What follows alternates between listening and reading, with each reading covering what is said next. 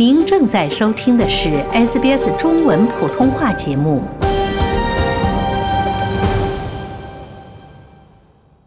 好，说到这个，就是维州购房者基金哈，先跟大家来简短的介绍一下，这是维州政府呢在二零年十一月份呢公布的新财年预算案中曾经提出过的一个帮大家买房的这样的一个计划哈。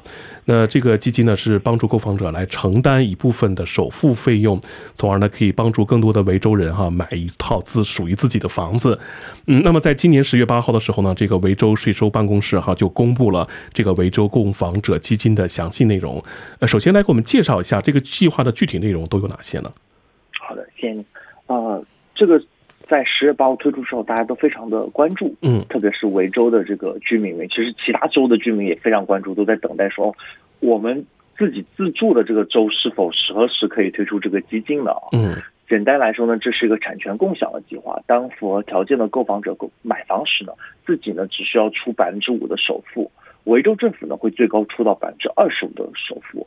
那作为回报呢，政府呢也会获得这套房子的一部分的产权或者是股权啊，这部分的产权呢可以等到这个购房人有钱的时候慢慢还给政府，当然也可以不还，那就等于卖房的时候，政府就会按照市场价去收回嗯百分之二十五首付的钱。其实这个理念非常的前卫，等于是跟政府一起去呃共同共有一个物业。嗯，那么。联邦政府呢，其实之前呢也实施过一个类似的计划，叫做首次购房者首付担保计划。是，但那个计划呢更像一个 loan deposit 呃一个 scheme，就是政府借钱借百分之十五给到这个购房者。呃，但是维州这个概念呢更加的前卫，它不是借给你，它是跟你一起出钱去买。嗯，啊，然后共享产权。嗯。对这个概念是比较超前的哈，那接下来的可能大家就很关心了，那什么样的购房者符合资格可以使用这个维州购房者基金呢？嗯，好的，那这个条件呢，其实它也没有的非常的苛刻，具体呢如下：第一，必须得是澳洲公民或者 PR，这也是澳洲很多主流的补贴或者优惠的一个适用前提，公民或 PR。嗯。第二，年满十八岁。第三，存已经有了百分之五的这个首付了。第四呢？个人年收入不能超过十二万五，如果和他人共同买房，比如说跟妻妻子或者跟先生一起买的话，双方的年收入总计也不能超过二十万。第四点，呃，第四点这个金额大家也可以一直呃记住，最近的几年的住房的一些补贴，基本都会把年个人年收入卡在十二万五，夫妻年收入卡在二十万。嗯，呃，第五。购买的房屋作为主要的住住所，也就是我们所讲的，一年之内的建议要住满六年以上。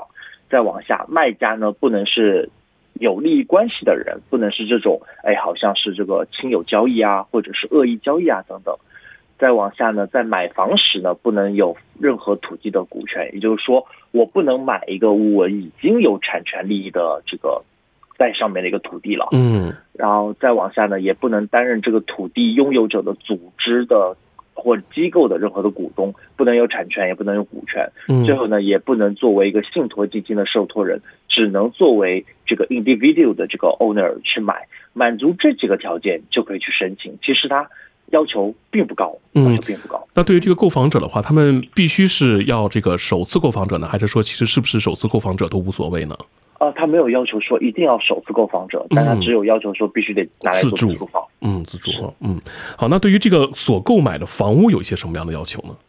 呃，所购买的房屋呢，它的要求首先呢，必须在大在这个大墨尔本都会区或者吉隆或者其他符合条件的维州乡村地区。如果大家去搜这个呃 Victoria Home Buyer Fund，然后它有一个专门的一个呃 postcode，大家可以输进去会看。